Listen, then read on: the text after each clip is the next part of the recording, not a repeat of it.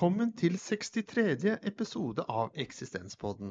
Programmet hvor vi snakker om det å være til. Mitt navn er Erling Berrum, og i dag har jeg fått besøk av Per Einar Binder. Takk for at du kunne stille. Takk for det. Takk for invitasjonen. Hvordan vil du kort beskrive deg selv? Jeg er jo psykolog og professor i klinisk psykologi ved Universitetet i Bergen. Og jeg vil si at jeg har et bredt interessefelt. At jeg er nysgjerrig. Tar jeg en personlighetstest, så scorer jeg høyt på det som kalles åpenhet for ny erfaring. Og tar jeg en karakterstyrketest, så scorer jeg høyt på kreativitet og nysgjerrighet. Det er de sterkeste scorene mine der. Altså Hovedinteressene mine er jo innenfor kvalitativ forskning og filosofisk psykologi. Men jeg har vært involvert i mye kvantitativ forskning også, til og med på fysiologiske mål, sånn som hjerteratevariabilitet. Sånn at publikasjonsprofilen min ser litt vill ut. Når det gjelder bakgrunn og livsvalg, så sto det for meg mellom medisin, psykologi, filosofi og det å bli skjønnlitterær forfatter.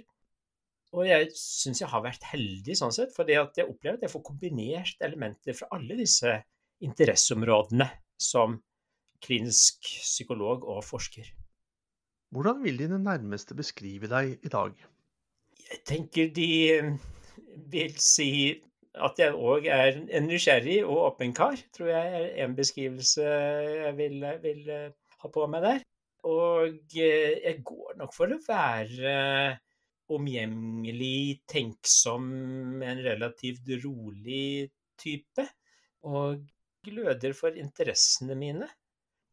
Er det en episode eller erfaring i ditt liv som har påvirket deg i stor grad, og som du kan dele med oss lytterne for at vi skal få et litt innblikk i hvem du er? Ja, så det er jo det mange episoder å velge blant her. Altså, sånn som det, Mine foreldre hadde jo en, heldigvis en veldig brukbar bokhylle. Og som tenåring så kom jeg over bøkene til Erich Fromm, hans bok om kjærlighet, og Sartre sin eksistensialisme er, er, humanisme. Så det satte jo noe i gang. Og så er det jo én episode som kanskje vi kan knytte til livsvalg, og det, den inntraff høsten 87. Da var jeg ferdig med videregående, og så hadde jeg en plan om å studere medisin fra høsten 88. Men den planen innebar at jeg måtte ta fysikk, for det manglet jeg fra videregående. Og da tok jeg turen innom en forelesning i psykologiens historie, i og med at psykologi også var et fag jeg interesserte meg for. Og en kan si at den forelesningen, den spolerte min medisinske karriere. Det var noe med en sånn åpen undring over tilværelsen, sammen med begrep og forskning som gjorde det mulig å kombinere en sånn undring med, med refleksjon. Så da ble det psykologi. Altså ikke straks. Jeg var innom filosofi og jeg var innom forfatterstudiet i Bø før jeg etter tre år tok og virkelig bestemte meg og, og gikk inn og, og, ble psykolog. Du har også blitt bedt om å velge ut en grunnleggende dimensjon ved det å være til som menneske. Og hva har du valgt som tema for dagens program? Da har jeg valgt perfeksjonisme og eh, eksistensiell sårbarhet. Ikke fordi at perfeksjonisme er noe en grunndimensjon hos alle mennesker, eh, i hvert fall ikke like mye, men fordi at perfeksjonisme også handler om noe veldig, veldig sentralt i oss. Altså trangen til å eh, prestere, trangen til å handle, gjøre, og den kan komme på villspor. Kan denne trangen til å prestere og måtte gjøre noe også handle om at vi ikke oppfatter oss selv som gode nok? Absolutt. Der er det jo en pandemisk opplevelse, nærmest, av å ikke være, være god nok. Være utilstrekkelig. Du kan si at skam er en veldig sentral del av perfeksjonismen. Og en ser at det har vært en, en økning i perfeksjonistiske trekk hos unge mennesker fra 89 og, og fram til i dag, og at det, det, har ikke roet seg ned, kan du si. Så det er jo noe som skjer akkurat nå. Og det er der du kan si at, at vanlig er ikke er i hvert fall ikke godt nok. Vanlig er nesten litt katastrofalt. Er du åpen for at skam også kan være en medfødt egenskap hos mennesket? Det tror jeg det er i absolutt. eh, Og den har jo en evolusjonshistorie som, som andre følelser har. Vi er jo veldig avhengige av hverandre. Og skam er jo en følelse som dukker opp når vi opplever en trussel om å falle utenfor. Altså at vi altså, Det mest åpenbare eksempelet er jo når det går opp for deg at du har sagt noe aldeles sinnssykt. ikke sant? Altså Du merker at folk reagerer på det. Da kjenner du den der synkende følelsen. Så det er veldig kraftig kroppslig òg. Men det kan jo òg være ting du ikke har kontroll på. Altså til og med en hikke som er på feil sted. ikke sant? Altså Det å ikke helt ha kontroll. Det er også assosiert med skam, så det ligger veldig dypt i oss. Så det er på en måte et litt sånn pass der nå. nå. Nå, må du se til å holde deg innenfor flokken her. Og i dag altså veldig mye knyttet opp til, til prestasjon, å være flink. Men det å være utilstrekkelig og ufullstendig, og da knytte det opp mot eh, kanskje skam og negative følelser, men, men det er vel noe ved det ufullstendige og utilstrekkelige i oss som også gjør oss til mennesker? At vi, det bidrar til at vi gjør noe, at vi handler? Jeg tenker hvor kjedelig det ville vært hvis vi var fullstendige. Da hadde det ikke vært så mye å gjøre. Det er et veldig viktig poeng her, og det du kan si er jo at i perfeksjonismen det, det, er flere problemer eh, med, med, perfeksjonisme. Det dreier jo seg om å lage, sette seg urealistisk høye standarder for seg selv. Eh, og det dreier seg om å bli veldig straffende mot seg selv når en ikke når opp mot de standardene der. Men en tredje fare ved perfeksjonisme er mellommenneskelig, og det er at en ser at uh, perfeksjonister blir veldig ensomme. Altså, vi, vi, er jo kolleger, vi skrev nylig en eh, artikkel som het 'Perfection is a sad and lonely place'. Uh, der vi hadde intervjuet mennesker som, som, hadde veldig betydelig perfeksjonisme. Og det som er der, er jo at du, når du ikke viser din uperfekthet, når du ikke viser din sårbarhet til andre, når det blir veldig mye å skjule, for det blir det ofte Altså Er du veldig låst i perfeksjonisme, så blir du veldig redd for å vise alt som ikke er perfekt. Da blir det en veldig avstand.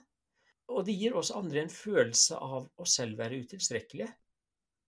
Så dette her skaper en, en ensomhet både ovenfor for andre, men selvfølgelig òg en fremmedhet i, i, eget liv. Det er veldig lett at andre ikke nettopp, nettopp da ikke ser vår, vår, menneskelighet, som er vår sårbarhet.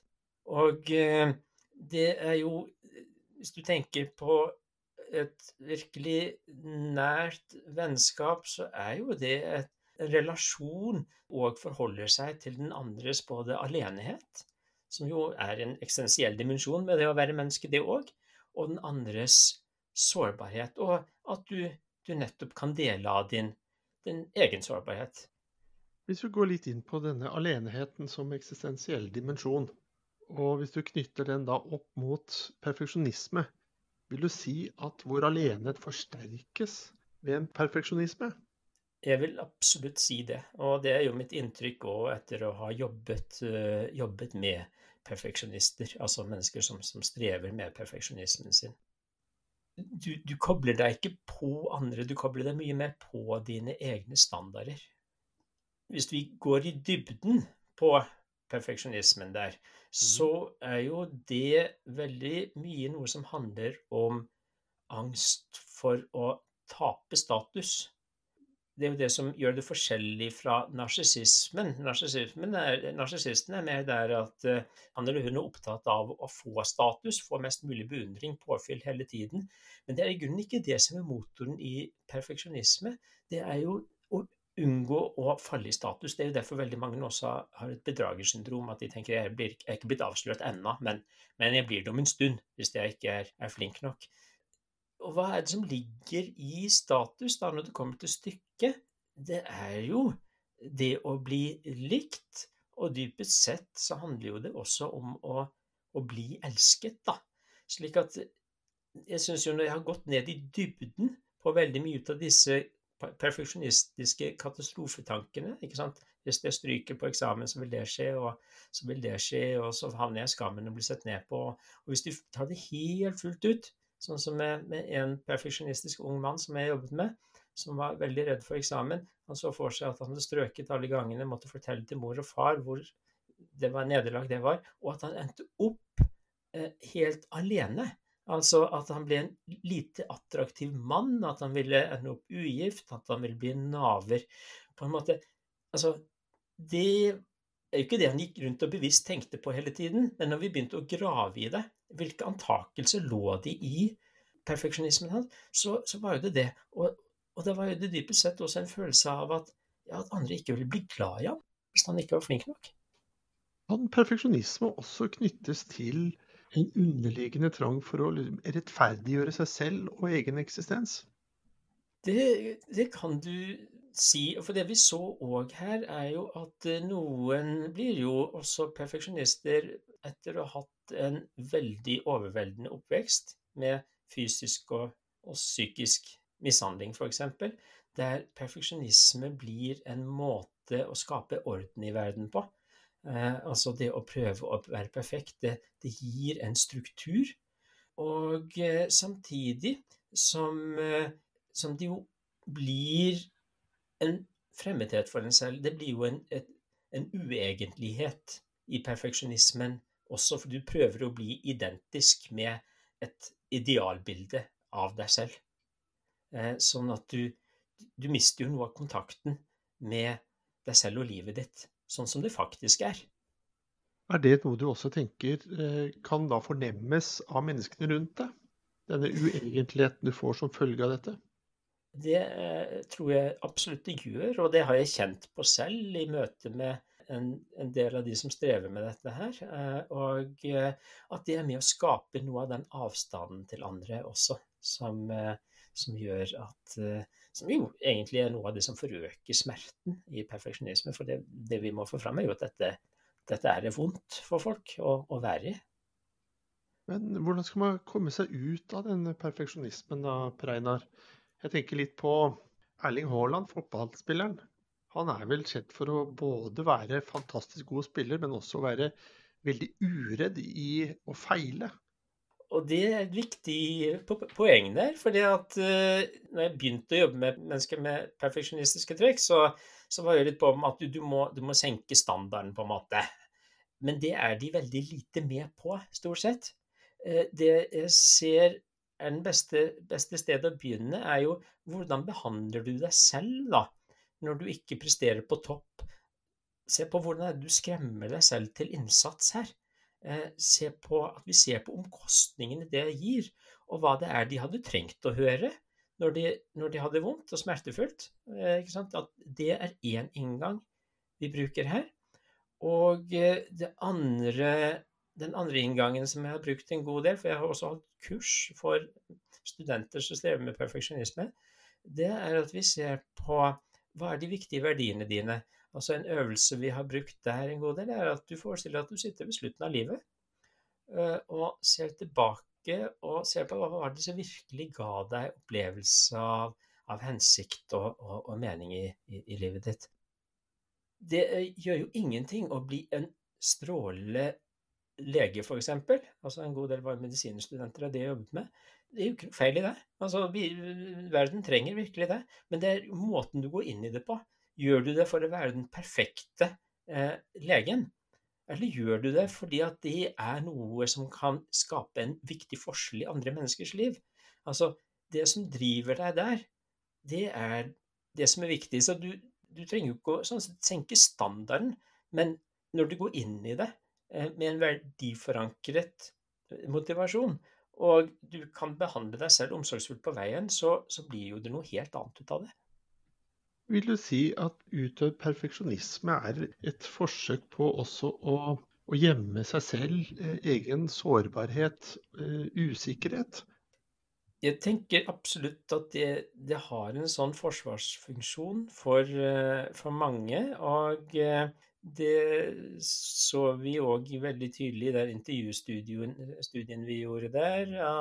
Da var jo det òg mennesker som hadde opplevd livet som veldig upredikerbart. Det har vært folk nær som, som hadde dødd. Det hadde vært opplevelse av sosial utstøtning, altså ting som virkelig rokker ved et grunnvilkår i oss. Og, og, og da ble jo det å, å, ville bli perfekt ble jo en, på en måte en slags, slags løsning, da, en, i en periode av livet.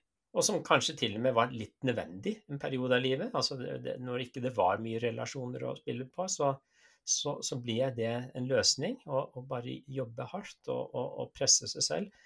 Eh, men så er det noe med at eh, en blir værende i det. En, en, finner ikke da så lett ut igjen. Men rent grunnleggende vil du si at en, en som er opptatt av å være perfekt, er mer opptatt av å please andre enn å forfølge sitt eget autentiske selv? Det korte svaret er ja, men, men det, er jo, det, er jo, sammensatt. Altså fordi at du ser at det er to ulike Eller faktisk tre ulike former for perfeksjonisme. Altså det er noe som, som dreier seg om uh, å bare leve opp til egne standarder, og det er vel det vi har snakket mest om nå. Men så har vi òg en form for perfeksjonisme som opplevelse av veldig høye krav og forventninger i omgivelsene, som, eh, som en ser har vel kanskje ekstra mye økende de, de senere årene. Og så handler det også om å gjerne stille perfeksjonistiske krav til andre mennesker rundt seg også. Altså at du, du skal bare ha en perfekt venn og bare ha en perfekt kjæreste og da ender jo en veldig fort opp med ingen venn, eller ingen kjæreste, selvfølgelig. Men, men hvis du ser på uansett disse dimensjonene her, så er jo det sosiale dimensjoner. For det er klart at eh, også hvis du har veldig høye krav til deg selv inni, inni deg, så har jo du fått de fra et sted. Altså det er jo noe du har tatt til deg gjennom eh, oppveksten. Sånn at du, du, du, du, blir fremmed for deg selv og for noen så har jo de beskrevet det når de er mer kommet ut av det, ut av det at de har opplevd det som å være en marionett i, i f.eks. For foreldres drømmer. Hvis vi går litt videre også på det med å være opptatt av perfeksjonisme, kan dette her også være en type avsporing eller distraksjon fra de eksistensielle grunnvilkårene vi har som menneske, som ufullstendige og feilbarlige og utilstrekkelige vesener? Absolutt sånn jeg tenker rundt det. At uh, det, det, er, det, er, den sårbarheten der du, du da ikke, ikke, forholder deg til. På en måte prøver å unngå å forholde deg til, fordi at livet ditt har vært sånn at det har blitt, blitt overveldende for deg. Det dreier seg om en, en, flukt fra friheten i dette her. For som, når du er fanget i perfeksjonisme, så er jo du ufri. Altså det er ytre standarder som, som egentlig styrer deg. Eh, det er jo en, du kan si at du kommer på distanse fra det å skape mening selv òg, fordi at du, du, følger jo på en måte et, et egentlig veldig konvensjonelt plott. Du kommer på avstand fra din, din kroppslighet veldig mye òg. Du ser folk er veldig mye fanget i tanker eh, når, når en er i, i perfeksjonisme. Og det ligger jo òg eh, når det blir veldig stort, dette her, eh, så er jo det at eh, jeg skal bare se på professorer, forskere, som, som, tenker at de kan bli udødelige gjennom sine prestasjoner, intet mindre. Det må jo også kunne være noe positivt knyttet til perfeksjonisme. Jeg tenker innenfor eh, kunst, idrett, hvor det også er mer som en lidenskap. At man ønsker å utvikle seg, utfordre seg selv for å prestere, enten kunstnerisk eller fysisk, på en, på en enda bedre og mer uttrykksfull måte, slik man ønsker det. da.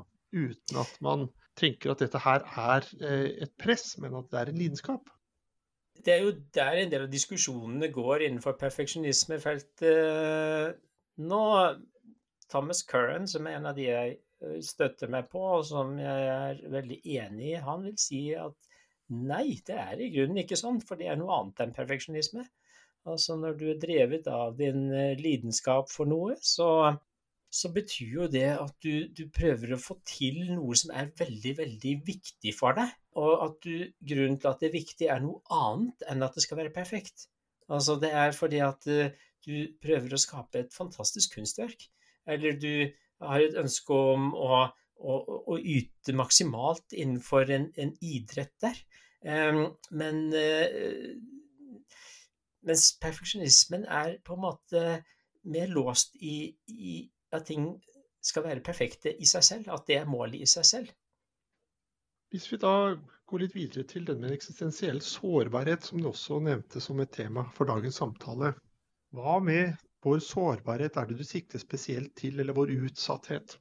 Jeg tenker jo at uh, det er jo den relasjonelle utsattheten er jo, er jo en bit ut av det jeg har skrevet en bok om identitet. Eh, hvem er jeg? Om å finne og skape identitet. Og der ser vi jo en god del på, en god del på hvordan vi skaper identiteten vår gjennom våre, vår selvfortelling og våre selvdefinisjoner og ver, våre verdivalg. Men andre må jo være enig i den. ikke sant? Altså, det er jo noe med at uh, identitet uh, handler òg om hvordan andre fortolker deg, samspillet som, som, oppstår mellom deg og andre, den anerkjennelsen som ligger der. Eh, og eh, jeg tenker jo at eh, perfeksjonisme blir et, et, forsvar også mot den utsattheten som ligger i, i møte med, med, den andre der. Så jeg, jeg tenker sårbarheten som, som, ligger der for noen, og sårbarheten knyttet til, til, til frihet og valg. Altså at en, en trer på en måte vekk inn i noe som en, en da ut fra ytre forventning opplever som trygt, og, eh, og blir fjern for egne verdier. Og, og, på en måte også distansere seg fra det at verdiene våre, de, ja, de kan være bestandige. Vi kan virkelig navigere etter de i livet, men vi kan òg gjøre et annet valg på et øyeblikk. Altså, vi, vi, vi kan faktisk eh, gå en helt annen vei òg. Jo, vi, har ikke, vi, har jo ikke, trygg grunn noe sted her, eh, i den forstand. Altså at vi, vi, vi, står ikke stødig på det, med mindre vi nettopp ja, kjenner på sårbarheten og søker balansepunktene. Hvis jeg forstår deg rett når du snakker om det med verdier, og at vi ikke nødvendigvis har en så stødig grunn som vi kanskje innbiller oss, og at vi kan mm-hmm. gjøre andre valg på et øyeblikk, så forsto jeg det også slik at du egentlig sier at i den grad vi klarer å, å, være sårbare, så vil vi kanskje stå litt mer stødig. Og vi vil kanskje da lettere kunne gjøre andre valg, eller være mer frie. Ja. For jeg tenker eh, det å erkjenne sårbarhet og autentisitet, altså i betydningen å virkelig faktisk være der du du er i livet ditt, at, at det henger veldig, veldig tett sammen. Men hva når det er et stort misforhold mellom din egen eh, oppfattede identitet og omverdenen? Hvordan kan vi forholde oss til det på en god måte? Ikke sant? Og det å kunne forholde seg til den diskrepansen som er der, og den kan jo handle om veldig mye forskjellige ting. Noe her kan jo handle om at du er, du er i feil miljø. Altså at du, du, har noe i deg som vil kunne blomstre i et annet miljø.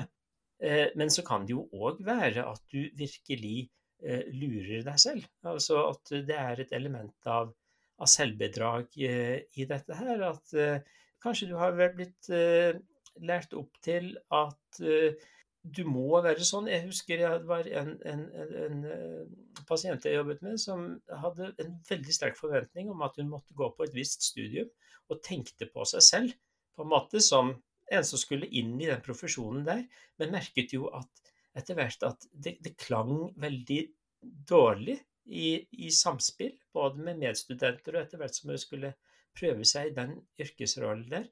Slik at du kan ha type av erfaringer, forventninger fra andre med deg, som, som, gjør at du går inn i en identitet som blir dypest sett fjern både for omgivelsene rundt deg og, og helt klart det som er i deg selv også. Så jeg tenker jo det som en del av det å være sunn, er å da ha en identitet som rommer det som faktisk er i deg, som vil kunne være styrker og talenter du har, men også skamfulle øyeblikk du skjems over, og egenskaper som du ser kunne vært bedre, og du opplever skulle vært annerledes, men som du bare ser er deg. Altså det å kunne være til stede med det som, som lever i deg, og, og, evne å forholde seg til det, det, det er en sunnhet i. Og så er jo det òg i situasjoner at vi ikke er det. Det er ikke sant? Det er klart at dette her, Ingen av oss er så sunne at vi klarer å romme hele oss selv hele tiden. Eh, det vil være noe vi, vi, vi skyver vekk og, og, og, legger i skyggen, kan du si. Og det, det, vil skje hele tiden. Men det er grader av dette her. Slik at uh, Mens du har da på en annen ytterlighet så har vi jo det som, som ja, Winnicott og en del andre har kalt for det falske selv, der du identifiserer deg kanskje f.eks. bare med prestasjon, bare med ytelser, bare med utseendet ditt, bare med noen veldig sånn avgrensede deler av deg selv som, som, som, gir en viss type suksess i verden, men som samtidig blir veldig, veldig ufullstendig. Og, og andre vil òg merke at, at her, her, når vi ikke fram til denne personen. Altså, dette er en som, som lever på avstand. Noen roller kanskje vokser vi oss av, og kanskje noen type form for eh, perfeksjonistiske tilnærminger til egne prestasjoner eller eget utseende eller hva det måtte være. Det legger vi fra oss etter hvert det ligger jo også noe positivt av det å bli eldre, gjør det ikke det? I høyeste grad, og jeg tenker det er, eh, det er noe som, som ikke snakkes så veldig mye om i vår kultur, som er en veldig sånn ungdomsdyrkende kultur. Eh, og noe interessant der er jo òg det at en ser at ytre suksess, beundring, penger, og ha mye av de helst, da, er noe som kan oppleves meningsfullt opp til et visst punkt i livet. Det en ofte ser, er at eh, når folk begynner å nærme seg midtlivet, så, så får ikke livet særlig mye mening hvis en ikke får koblet seg på noe som, som er større enn en selv. Å ha et verdisett som, som handler om å gjøre noe som er viktig for andre mennesker. Så jeg tenker jo at uh, det er en, en utviklingsprosess der, og, og den gir også, oss, er også meningsfullt ut, å se ut fra hva det Jung snakket om, da han sa på en måte at personer altså, har en viktig funksjon tidlig i livet, altså i, i, i, i tidlig voksenlivet. Du, du, skal jo ut og få ting til, du skal gjerne bygge en karriere, du skal finne en partner. Det er en god del ting som faktisk er litt viktig å tenke på. Eh, og jeg møter jo mennesker som, som kanskje ikke har tenkt nok på økonomien sin tidlig i livet, og det, det, kan få negative konsekvenser, det. Altså, også sånne ting skal man passe på. Altså, sånn, beduinene har et ordtak for dette her. Eh, eh, stol på, på Allah, men, men, bind fast kamelet. Eh, så, så, så det, er, det, er, noen ting du skal mer passe på er der. Men når du kommer lenger ut i livet der, fra mitt liv og, og, og utover, så, så er det også viktig å kunne gi slipp på dette her. Hvis vi tenker på et krevende liv da, som ikke nødvendigvis er knyttet til perfeksjonisme, men hvor likevel mennesker opplever en utilstrekkelighet eller mangelfullhet knyttet til et hverdagsliv som krever så mye av dem at de opplever det som en rovdrift på hvem de er og, og hvordan de er. Hva tenker du om det? Jeg tenker jo at det er nok dessverre veldig mange som, eh, som opplever, uh, opplever, dette her uh, akkurat nå. Det er jo et spørsmål egentlig med, med veldig mange forskjellige svar. Altså du, du, du, trenger å koble deg på et fellesskap der det går an å snakke om at dette ikke er ok. Altså, så, så, en side ved, ved det er jo sånn sett også over mot det politiske. Altså skal vi, skal vi, leve sammen på en måte som er på den måten her? Den er jo, den er jo viktig. Og hvis det virkelig er sånn at en ikke kan si nei ennå, eh, for det, del, det er jo en del bransjer òg som er sånn, ikke sant? altså en del yrker der du er nødt til å bite i deg veldig mye de første årene, fordi at det, det er sånn det er bygget opp. Så tenker jeg nettopp å, å bevare dette nei-et, i hvert fall inni deg. Og, og, og, måtte kanskje nærmest gi deg selv et løfte om at jeg skal jobbe for å komme dit at jeg kan, kan si dette nei-et rent konkret. Så, så det, det, avhenger jo litt av hvilken slags skvis er det en har kommet opp i her. Om, om det er noe et arbeid jeg må primært gjøre på indre planet, eller om det er, er tid for, for handling. Jeg har jo et inntrykk av at mange mennesker også i sitt, sine privatliv skaper veldig mye fordringer til seg selv, eh, for deretter å, å klage og fortvile i neste øyeblikk. Det, det ser jeg òg, og der er det nok denne livsperfeksjonismen som, eh, som kommer inn i bildet. Altså at det er et, et, et veldig forventningspress på hva livet skal kunne inneholde i det hele tatt. Og, og, og, skal du på en måte yte så mye på jobben og ha en så stor og rik vennekrets og eh, gjøre så mye vellykkede ferier og gjøre så mye trening og ha et sånn fantastisk familieliv oppå det hele, så, så vil jo det gå galt. da tenker jeg at eh, igjen stopp opp med hva er det dette, dette gjør med meg? Og, og så er det jo òg tilbake til spørsmålet hva er det viktigste? For et menneskeliv er jo relativt kort. Altså, vi får jo ikke plass gjerne til de ti viktigste tingene engang. Kanskje bare tre-fire ut av de. Altså kanskje bare et par ut av de.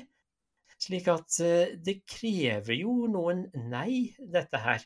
Eh, det krever jo å kunne gi, gi slipp, uh, dette her. At det, er muligheter vi faktisk må la gå fra oss. Og det, det er jo faktisk noe som ligger i dette begrepet eksistensiell skyld òg. Altså at uh, valg òg innebærer at du, du må, må, gi slipp. Hvis du har vært en festløve, men etablerer deg med med unger og, og, og, og ekteskap, så, og prøver å være den samme festløven, så, så, blir ikke det så blir det også inautentisk. Altså, da, da, prøver du å være eh, noe annet, og du prøver å være et annet sted i livet enn du faktisk er. Så du, du, du trenger et, eh, et gi slipp. Tenker du at mange ved å favne så mye og ville være så mye, at de får en eh, mindre heldig prioritering av det som er viktig i livet? At alt blir like viktig, eh, og da mister de det viktigste? Det er faktisk uh, veldig viktig, eh, det du sier der. At uh, når du presser livet ditt fullstendig fullt, så er det ofte også du gjør mye av de dårlige beslutningene. Vi nærmer oss slutten på dagens episode. Og da pleier jeg å spørre om du har noen fyndord eller sitater som har betydd mye for deg på din vei? Du, det er mange å velge. Eh, det jeg, tenkte på, eh, det var jo, er jo John Lennon sitt liv er det som skjer mens du er travel med å legge andre planer. Jeg hørte da plutselig at det var brukt på en annen av podkastene her. Eh, så ble jeg litt tvil. Men vet du hva, jeg, jeg tror jeg, jeg, holder på den likevel.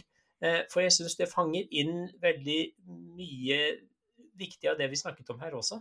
Altså den, eh, den, den fremmedheten en får for eget liv, og de konkrete pulserende som skjer akkurat der, når vi blir så fanget i hvordan ting bør være, og hvordan det skal være om, om en stund lenger fram der. Vil du si at eh, Shakespeare var inne på noe når han sa 'stor ståhei for ingenting'? At vi mennesker lager mye ståhei uten at det er så vesentlig grunn for det, egentlig? Ja, I og med at eh, allerede Shakespeare sa det, så, så, har det nok vært en sånn for eh, en stund sånn for, eh, for, for oss mennesker. Og jeg opplever nok at den ståheien er, er større enn noen gang. Men hvorfor, Per Einar, hvorfor lager vi så mye ståhei og perfeksjonisme for oss selv? Vi kommer i posisjoner hvor vi sammenligner oss med andre, og det vet vi er faktisk noe av det som kan gjøre deg ganske ulykkelig å sammenligne med andre. Selv hvis du er best. Selv da er det ikke så heldig å sammenligne seg med andre. Da takker jeg deg for samtalen. Takk også til deg som lytter for å ha fulgt oss denne gang. Vi høres igjen, og inntil da, ha det bedre enn bra.